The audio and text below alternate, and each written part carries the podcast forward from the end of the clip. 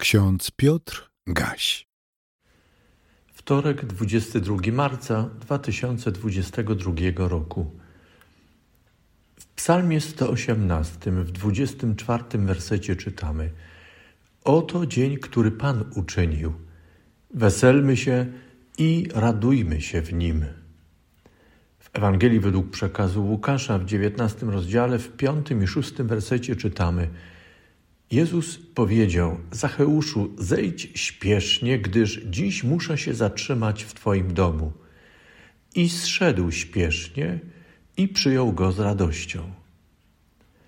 Augustyn z Hipony powiedział: Dla chrześcijanina radość jest obowiązkiem.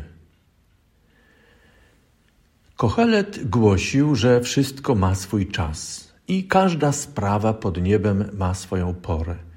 Między innymi jest czas płaczu i czas śmiechu. Jest czas narzekania i czas pląsów. Jest czas rozrzucania kamieni i czas zbierania kamieni.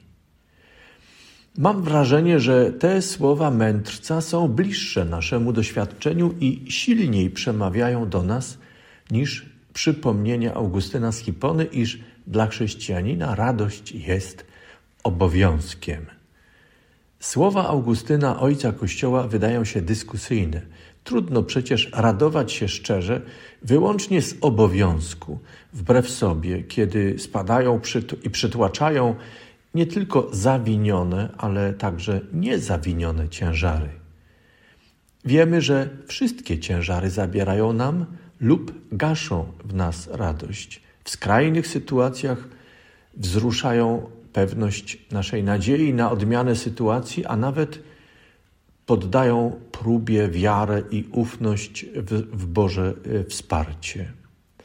Na podstawie natchnionych pism wiemy, że w przypadku, w przypadku zawinionych ciężarów właściwą drogą do odzyskania radości, nadziei i wiary jest pokuta, wyznanie grzechów, zadośćuczynienie i powierzenie się Duchowi Świętemu, który prowadzi nas i pilnuje. Daje poznanie grzechu, prowadzi do pokuty, a potem odnawia nas i przysposabia do nowego stylu życia w odrodzeniu i posłuszeństwie wobec Boga. Trudniej chyba przychodzi nam radzić sobie z innymi sytuacjami tymi, w których mamy poczucie, że spadły na nas ciężary niezawinione. Usiłujemy wtedy zrozumieć, dlaczego na nas spadają. Zrozumienie, jak się wydaje, ułatwia przyjęcie na siebie niezawinionych ciężarów.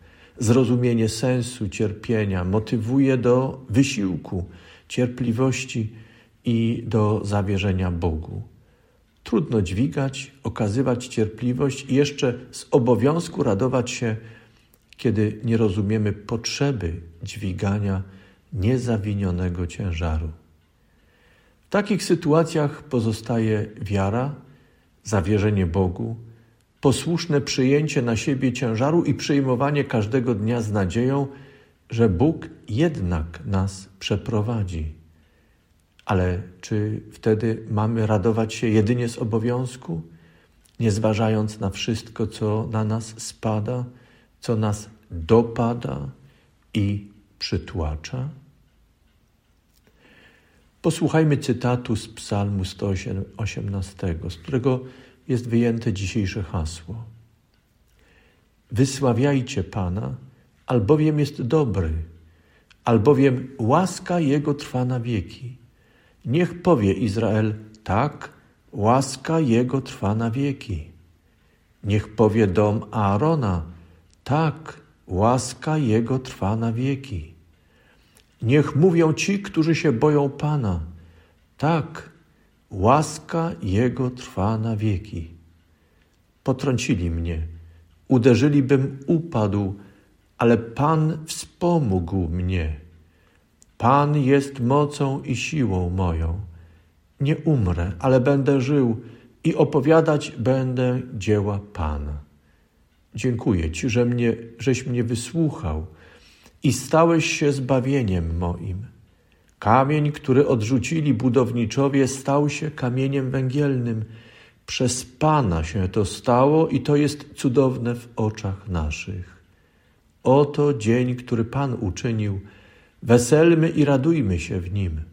O Panie, racz zbawić. O Panie, racz poszczęścić. Błogosławiony, który przychodzi w imię Pana. Błogosławimy Wam z domu Pańskiego. Pan jest Bogiem. On oświeca. Dziękujcie Panu, albowiem jest dobry, albowiem łaska Jego trwa na wieki. Warto w naszej wierze, nadziei i miłości do Boga wznieść się na wyżynę wskazaną w pieśni psalmisty i spojrzeć na nasze życie z perspektywy wieków. Czymże jest jeden dzień w naszym życiu, nawet ten najtrudniejszy? Czym jest miesiąc czy rok? Czym jest nasze życie z perspektywy wieków? To prawda, jest krótką chwilą, ale przecież dla nas bezcenną. Mamy tylko jedno życie. Czy zatem mamy powód, by sądzić, że nasze życie, dane nam przez Boga, ta cenna chwila dla samego Boga jest nic nie warta? Czy znacie powód, dla którego wolno byłoby nam głosić, że nasze istnienie jest dla Boga zupełnie nieważne? Nie wiem, co myślicie. Natomiast wiem, że Bóg przez swego Syna głosi i daje dowód, iż nas miłuje, a dla naszego zbawienia dał swego Syna. Wszystko uczynił dla nas, nie pominął nikogo. Zanim my pomyśleliśmy o Nim, On pomyślał o nas w krótkiej chwili, maleńkim epizodzie w dziejach świata. Zanim my umiłowaliśmy Go, On w bezwarunkowej miłości ogłosił, że Ty i ja, my wszyscy jesteśmy dla Niego bezcenni. I dla Niego to nie ma znaczenia, że z perspektywy wieków jesteśmy jedynie chwilką. Słowo Jezusa, które dziś słyszymy skierowane do Zacheusza, jest kolejnym przykładem Bożego szukania zagubionego człowieka, aby go pozyskać i zbawić. Zacheusz Zacheusza, który dla swojego środowiska był tak zwanym grzesznikiem nie do uratowania, Chrystus zauważa, chce być w jego domu. Przekreślali go jako beznadziejny przypadek. Tymczasem Jezus, Chrystus, musiał wstąpić do domu takiego beznadziejnego grzesznika, aby dać nam wszystkim znak. Bóg przez Jezusa Chrystusa, Zbawiciela świata, otwiera bramę Królestwa Bożego okazuje łaskę najbardziej beznadziejnym przypadkom grzeszników. Ile razy to słyszymy, nawet w najbardziej smutne i ponure dni, radujmy się w Bogu. Radujmy się niezależnie od tego, co przychodzi nam dźwigać. Módlmy się też o Panie, racz zbawić, o Panie, racz poszczęścić. Dziękujcie Panu, albowiem jest dobry albowiem łaska Jego trwa na wieki. Amen. Więcej materiałów na www.trojca.waw.pl